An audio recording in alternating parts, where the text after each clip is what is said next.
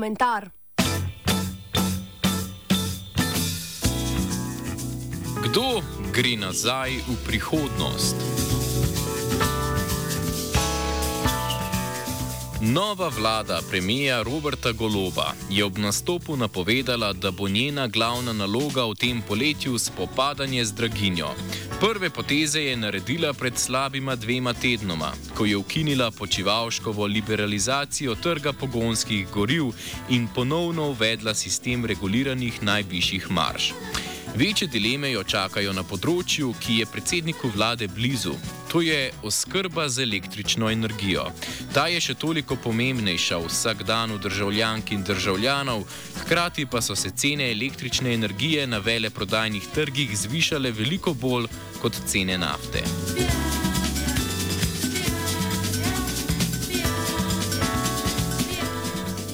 Če se cena nafte oblikuje po 159-litrskem sočku, je enota pri elektriki megavatna ura, ki ustreza porabi povprečnega slovenskega gospodinstva v dveh ali treh mesecih. Pred epidemijo je cena elektrike več let znašala med 40 in 50 evrov na megavatno uro. Letos se je cena gibala nad 200 evrov na megavatno uro, trenutna cena je skoraj 400 evrov na megavatno uro. Opcijske pogodbe, po katerih distributerji električne energije kupujejo elektriko vnaprej, dosegajo skoraj 250 evrov na megavatno uro. Sčasoma se bodo te cene prenesle tudi na malo prodajne cene, ki jih distributerji ponujajo gospodinstvom. Pri takšnih cenah elektrike, kot so sedaj na veleprodajnem trgu, bodo položnice znašale krepko čez 100 evrov ali, še verjetneje, blizu 200 evrov.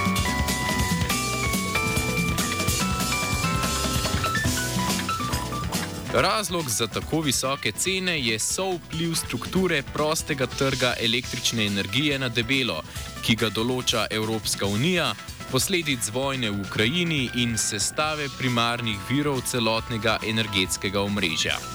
V tem imajo vse večji delež plinske elektrarne. Te so primerne za hitro spreminjajočo se proizvodnjo, potrebne v elektroomrežju z velikim deležem obnovljivih virov energije, ki so odvisni od vremena. Po drugi strani plinske elektrarne močno zmanjšajo izpuste toplogrednih plinov, če zamenjajo termoelektrarne na premog. Na evropskem trgu ceno elektrike določajo najdražji proizvajalci, ki so še nujni za zadovoljitev vseh potreb, kar so v Evropi prav plinske elektrarne. Zato cene električne energije v zadnjem letu in pol dejansko narekuje cena zemljskega plina, ki je odvisen od geopolitičnih odnosov Evrope in Rusije.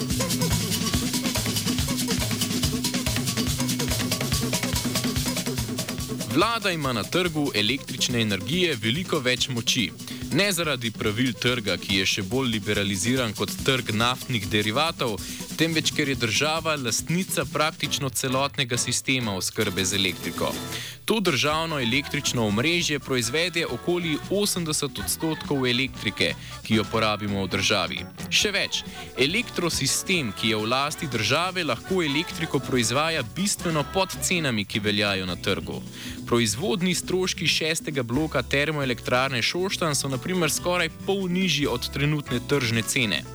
Nuklearna elektrarna Krško ima neuradno ceno okoli 40 evrov na megavatno uro, najcenejše pa so dravske hidroelektrarne pri okoli 20 evrih na megavatno uro.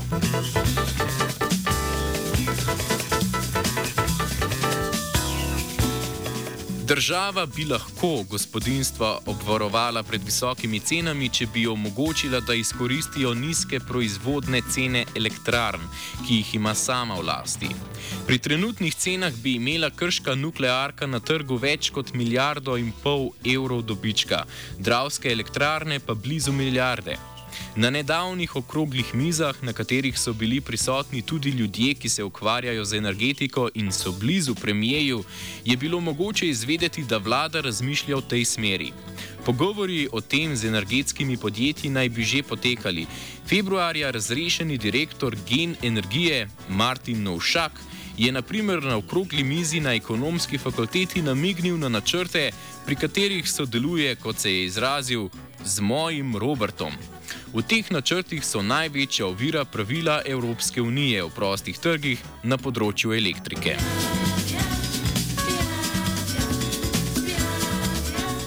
Ta pravila spodbujajo privatne investicije. Za domnevne ugodnosti za uporabnike naj bi poskrbela konkurenca med zasebnimi podjetji. Sistem državnih monopolnih podjetij, ki je povsod po Evropi poskrbel za elektrifikacijo, energetsko varnost in razvoj industrije, je efektivno prepovedan. Kriza z energenti v slovensko in druge evropske vlade sili v iskanje rešitev, ki so deklarativno zavezane prostemu trgu, a se poskušajo državno investicijo izogniti njihovim posledicam.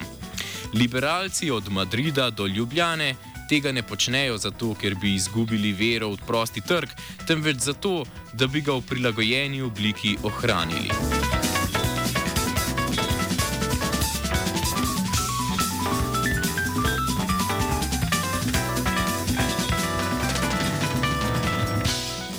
Ob vsem tem je opazna tišina vladne stranke, ki se vedno znova deklarira za antikapitalistično in zeleno. Levica trenutnih razmer na trgu energentov ne zmore povezati s kritiko prostega trga. Namesto tega ponuja zgolj že znano socialno patetiko in poziva k socialni pomoči. To je povsem jasno tudi iz programov in kongresov, še posebno zadnjih dveh, na katerih se je hotela levica pofarbati na zeleno. Nikjer se ne dotaknejo kritike trga, niti ne predložijo državnega načrta o investicijah v nizkooglične tehnologije.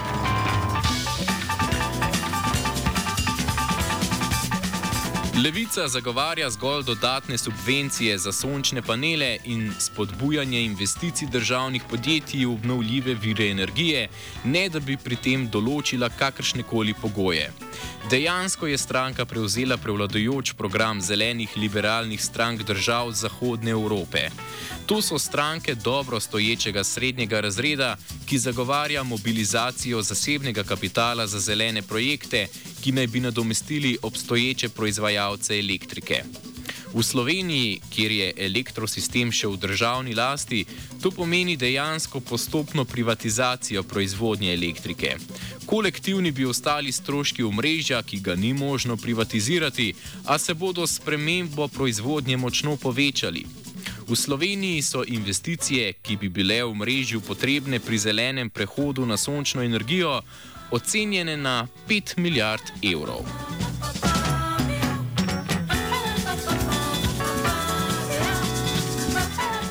Hrbtenica današnjega slovenskega omrežja je bila zgrajena plansko in v pičlih desetih letih. Med letoma 1973 in 1983 je bilo tudi s pomočjo prispevka na položnicah zgrajenih večina hidroelektrarn, krška nuklearka in visokonapetnostno omrežje. To je infrastruktura, ki še danes drži po konci slovensko energetiko in zagotavlja praktično vso nizkooglično elektriko. Prav zaradi teh objektov Slovenija za proizvodnjo enote elektrike danes izpusti v zrače tretjino manj oglikovega dioksida kot Nemčija. To je bil uspešen način izgradnje elektrosistema, ki pa ga ne zagovarja nobena politična stranka, še najmanj levica, ki se s to vrstno ideologijo največkrat kiti v javnosti.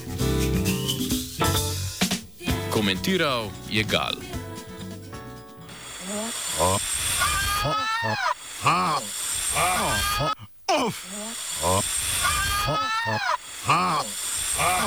Off komentar.